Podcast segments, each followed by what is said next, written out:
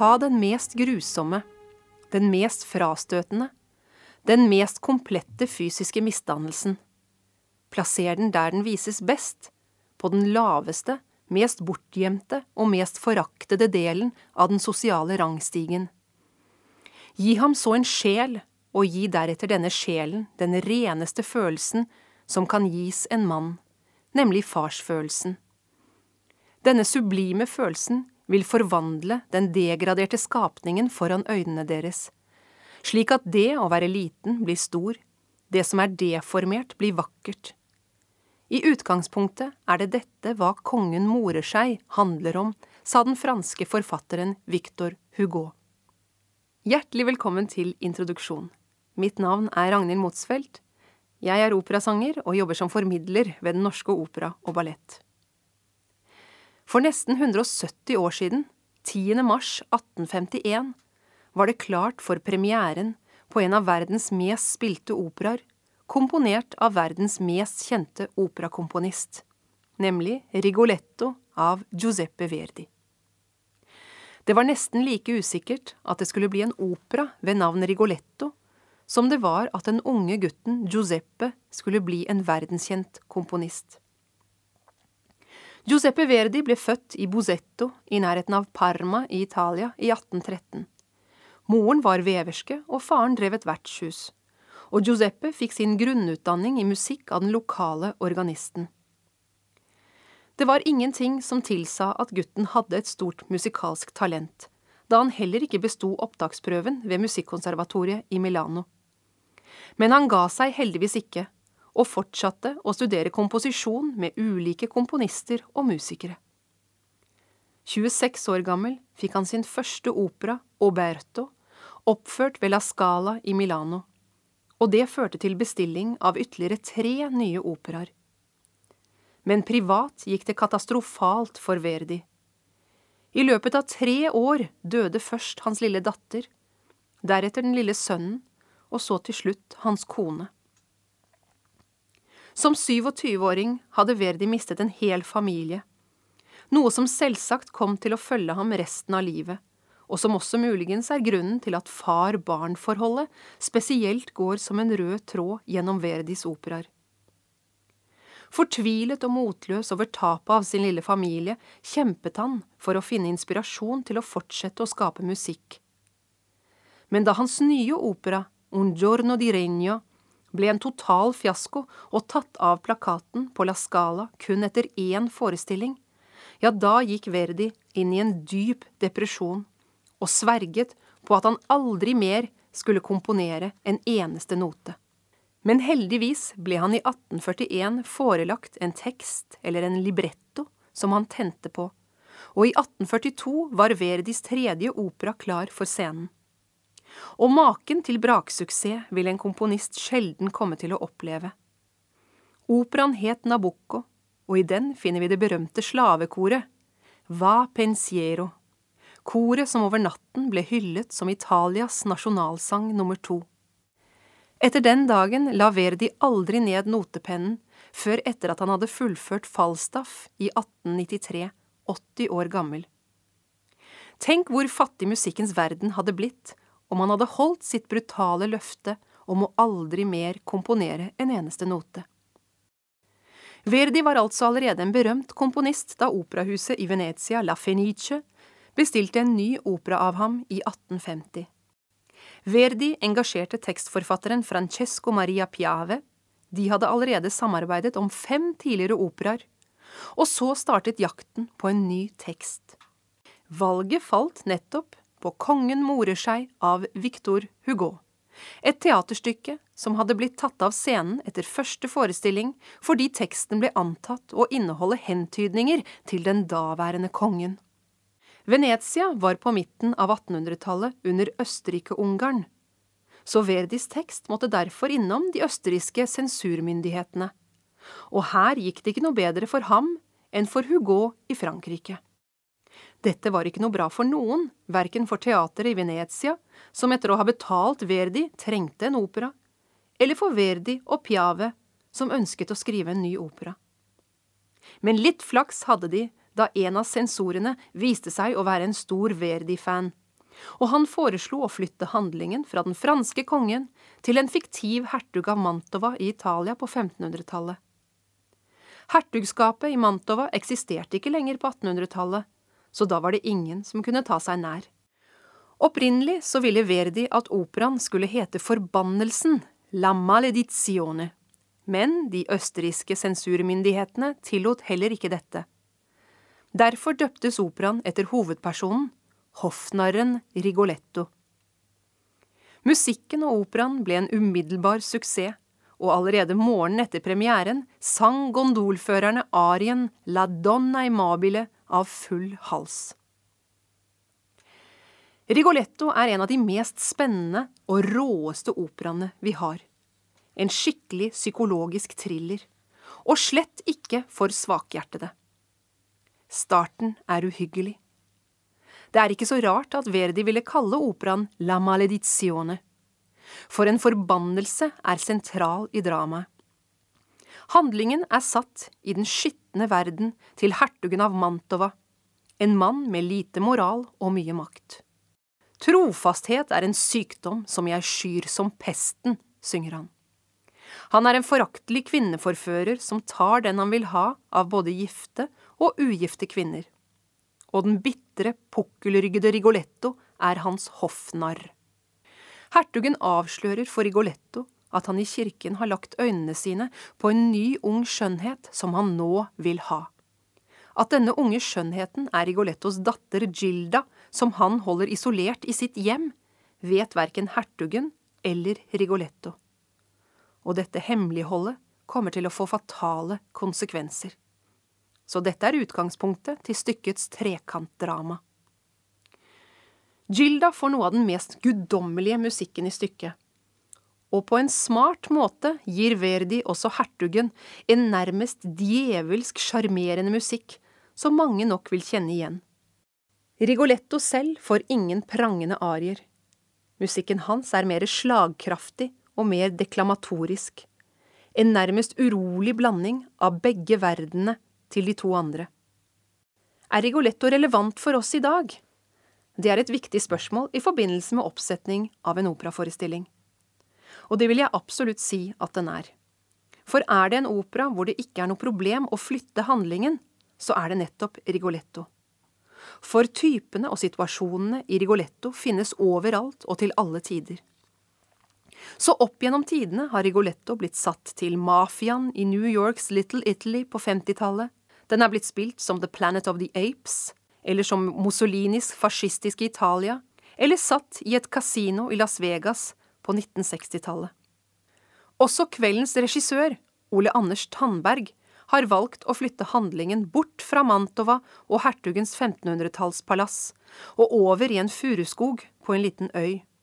For Ole Anders er det viktig å flytte handlingen til noe lokalt, noe vi lett kan kjenne igjen.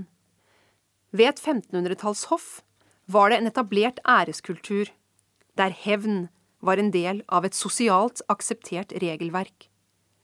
Ole Anders og hans team lette derfor etter et miljø i vår tid der behovet for hevn skyldes menneskelige følelser.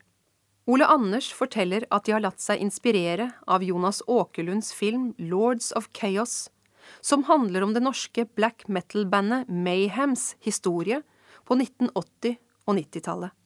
De drev med kirkebranner og mord, lederen kalte seg Greven, de var besatt av døden, døde dyr og hevn. Så i Ole Anders' versjon av Rigoletto har hertugen og hans entourage blitt til en livsfarlig gjeng som lever nærmest lovløst i en skog, med dødelige våpen alltid tilgjengelig siden de driver med jakt, og som kaller sin ukronede leder for hertugen. Karakteren Rigoletto er kanskje det mest ulykksalige og mest ensomme mennesket i hele Verdis persongalleri. Han forakter seg selv og den deformerte kroppen sin. Han er hatet av alle, da hans rolle er å gjøre narr av, skade og fornedre andre i sine omgivelser, hvilket han innerst inne overhodet ikke er noe stolt av. Men midt inni all denne fortvilelsen har han datteren Gilda, som er hans skatt på jorden. Han forguder henne, og hun er det eneste han har å leve for. Under en fest kommer greve Monterone og krever oppreisning for sin datter, som hertugen ved en tidligere anledning har hatt seg med. Hertugen og Rigoletto ydmyker Monterone ytterligere, og han kaster derfor en forbannelse over Rigoletto. Du, din slange som latterliggjør smertene til en far, vær forbannet. Her blir Rigoletto helt satt ut. Antagelig fordi det stikker rett i farshjertet hans. Det er jo nesten for godt til å være sant for en som han, at han skal kunne ha noe så vakkert som datteren Gilda.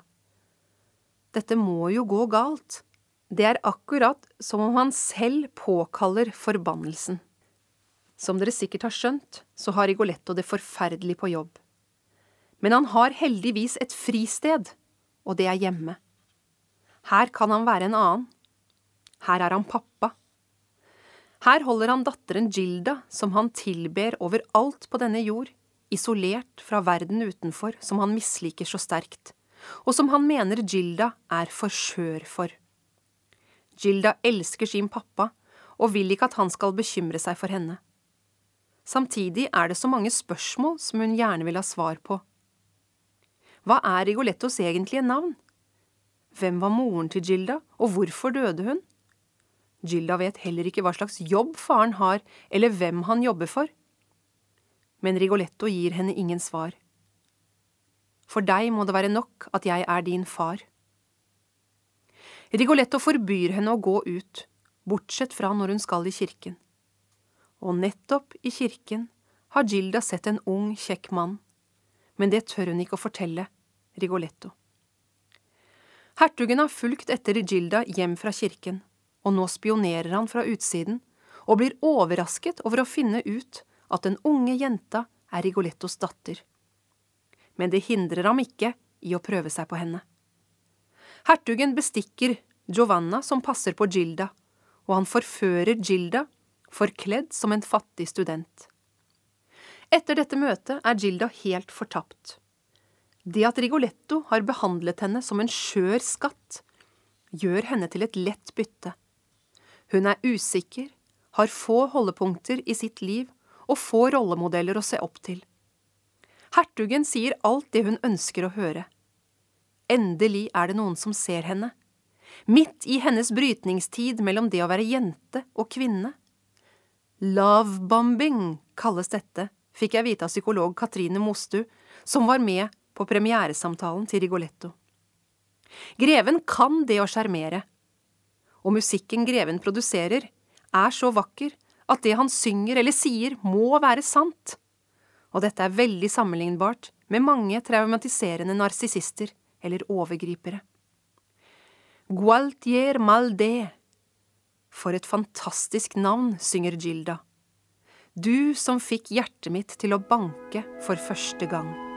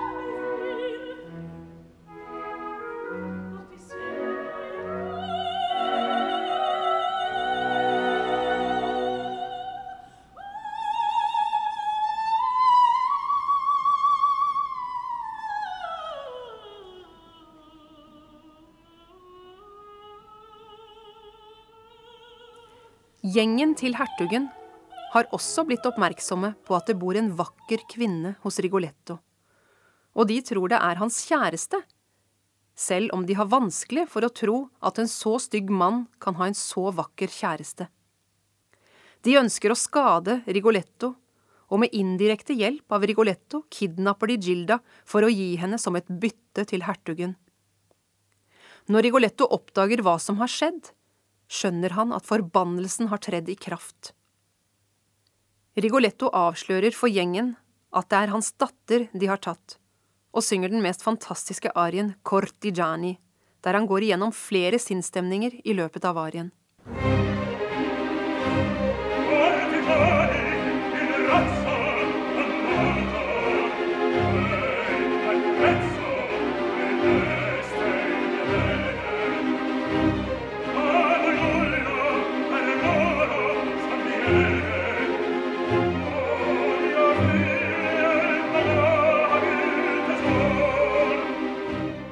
Da Gilda til slutt kommer ut av hertugen sitt rom, sier hun at hun skammer seg over sin naivitet, men at hun fortsatt elsker hertugen.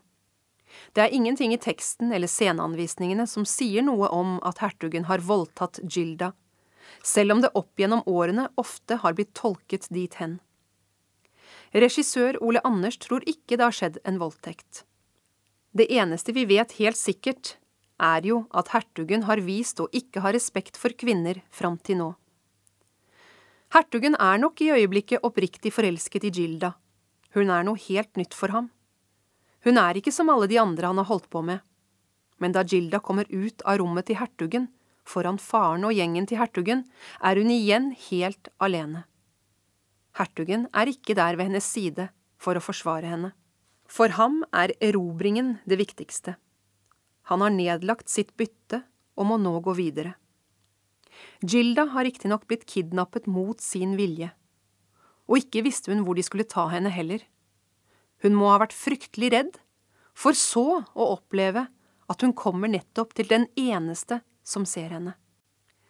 Så må det jo også være fryktelig flaut å komme ut foran din far etter første gangen man har hatt sex, så det er kanskje ikke så rart at hun sier at hun skammer seg.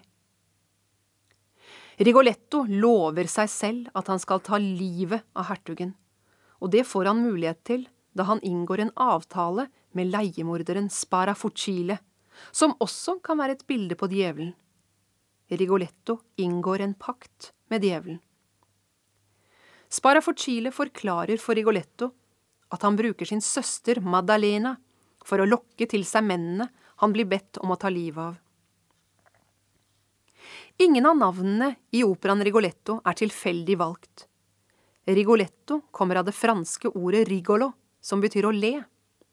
Gilda betyr offer, eller å ofre seg. Sparafucile betyr direkte oversatt rifleskudd. Madalena er ofte synonymt med prostituert, fra Maria Magdalena i Bibelen. Og hvis man analyserer navnet som hertugen gir seg ut med, Gualtier Maldé, betyr visst det venstrehendt med dårlige intensjoner. Rigoletto spør Gilda om hun fortsatt elsker hertugen, og det gjør hun. Men hvis han bedrar deg, vil du da fortsatt elske ham? Det vet hun ikke, svarer Gilda. Rigoletto tar med seg Gilda til Sparafuciles sted og ber henne sniktitte inn gjennom vinduet. Der inne morer hertugen seg og drikker og synger mens han venter på Sparafuciles søster Madalena.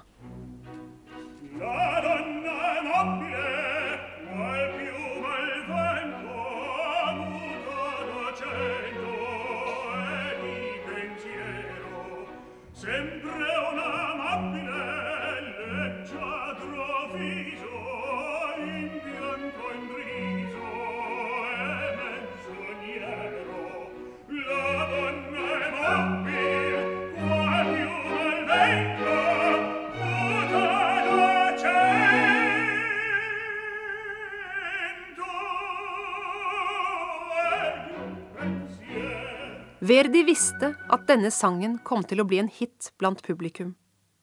Og da copyright på den tiden ikke gjaldt før det var blitt framført for første gang, vernet Verdi om musikken. Tenoren som skulle synge hertugen, fikk ikke se notene før kun dager før premieren, og måtte skrive under på at han verken skulle nynne eller plystre på melodien utenfor prøvene på teatret. Og som jeg nevnte innledningsvis, dagen etter sang gondolførerne sangen av full hals. Det er jo interessant at nettopp hertugen skylder på kvinnene for å være lette på tråden og ikke til å stole på. Madalena er en verdensvant kvinne, strake motsetningen til Gilda. Hun har hørt flørtesnakk før og ler godt av alle frieriene til hertugen. Jo mer Madalena virker uoppnåelig, jo mer flørter hertugen. Utenfor står Gilda og Regoletto og hører på. Lenge før Verdi satte musikk til Victor Hugos historie om Rigoletto, satte Donizetti musikk til Lucrezia Borgia av Hugo. Victor Hugo skal ikke ha vært særlig fornøyd med den operaen, så han var ikke helt overbevist da Verdi ville gjøre det samme. Men var det noe som Hugo ble positivt overrasket over, så var det nettopp denne kvartetten som dere straks skal få høre litt av, og hva man kan gjøre i en opera, men som ikke går like bra i en teaterframføring. Hvis jeg hadde klart å få fire karakterer til å snakke samtidig i skuespillene mine, og få publikum til å få tak i både ordene og følelsene, ja, da vil jeg oppnå den samme effekten, skrev Hugo. Musikk har nettopp evnen til å formidle følelser på en måte som ord ikke har. I denne kvartetten så synger hertugen Kjærlighetens datter, kom og kjenn hvordan hjertet mitt banker, og dette sier han til Madalena. Madalena sier Jeg ler av hele mitt hjerte, noen har virkelig lært deg å flørte. Og Gilda, som står utenfor, sier å, de samme ordene sa han også til meg. Mens Rigoletto sier, hva var det jeg sa, han er ikke verdt tårene dine.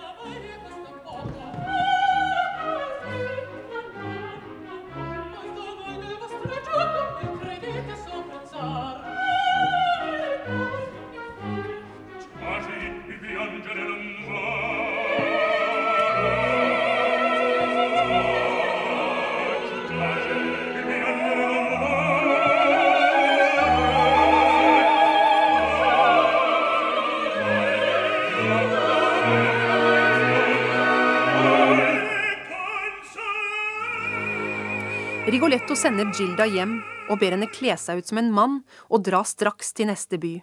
Der vil han møte henne neste dag. Deretter bekrefter han oppdraget til Sparafucile.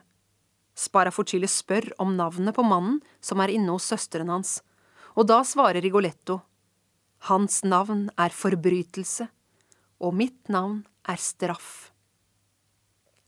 I mellomtiden har Madalena begynt å miste holdningen hun først hadde til hertugen. Han har snakket så pent om henne og sunget så vakkert til henne at også hun har blitt love-bombed, og ber nå broren om å spare hertugens liv. Sparafucile er ikke lett å overtale, da han er stolt over jobben han gjør, og han har aldri skuffet en kunde. Men til slutt blir han lei av maset hennes og sier at de kan ta livet av den første som skulle komme inn til dem. Da det er et fryktelig uvær ute, har han ikke noe tro på at dette kommer til å skje, men foreslår det for å få søsteren til å slutte å mase. Gilda har slettes ikke gjort som faren hennes ba om. I stedet har hun kommet tilbake der hun vet hertugen befinner seg, og hun overhører planen til Sparafucile og Madalena. Og i sin kjærlighetssorg bestemmer hun seg for å gå inn. Den uskyldiges lidelse som bærer en annens synd, er Gildas skjebne. Historien om Rigoletto, hertugen og Gilda er så absolutt relevant i våre dager på mange plan. Ta bare ensomhet, for eksempel. Rigoletto er ensom, Gilda er ensom, hertugen, som definitivt har et problem med nærhet, er ensom. Og vårt samfunn er ikke noe mindre ensomt nå enn på 1500-tallet. Vi er kanskje enda mer ensomme nå, da tanken om Gud for mange er død. Ole Anders har iscenesatt det ultimate bildet på ensomhet. En øy som svever fritt i teaterrommet. At hertugen fortsetter uten å se seg tilbake, er med på å gjøre Rigoletto til en mektig historie. Det tvinger oss til handling i stedet for bare å oppleve en slags fantasihevn. Hvis hertugen hadde endt med å blitt stilt for retten, hva hadde vi da trengt å gjøre? Ingenting. Det hele ender akkurat som det skal. For hvis rettferdigheten seirer, så ville det jo ikke være nødvendig å fortsette å granske vår kultur og vårt samfunn. Men aller mest interessant er jo forholdet mellom foreldre og barn, eller som her far og datter, som er et evig relevant tema. På en måte virker det som om Rigoletto og Gilda har et godt forhold. Men hva er et godt forhold? Han holder henne jo isolert. Og vi forstår jo hvorfor på mange måter. Men psykologisk sett fungerer isolasjon som en følelse av å være fanget eller maktesløs, og man vil stadig forsøke å bryte ut. Rigoletto kunne ha valgt en annen strategi og bygget henne opp til å bli en sterk, ung kvinne som kunne takle slike som hertugen. Men det er sannelig ikke lett å være foreldre, så i bunn og grunn så er vel Rigoletto et bilde på oss alle. Så hva kan vi da gjøre for å gjøre barna våre motstandsdyktige mot sjarlataner som hertugen og annen påvirkning, spurte jeg psykolog Katrine Mostu. Hennes svar var at vi må snakke med barna våre. Snakke med ungdommen vår. Og man må våge som voksen å vise og snakke om følelser. Og ingen store hemmeligheter. God fornøyelse.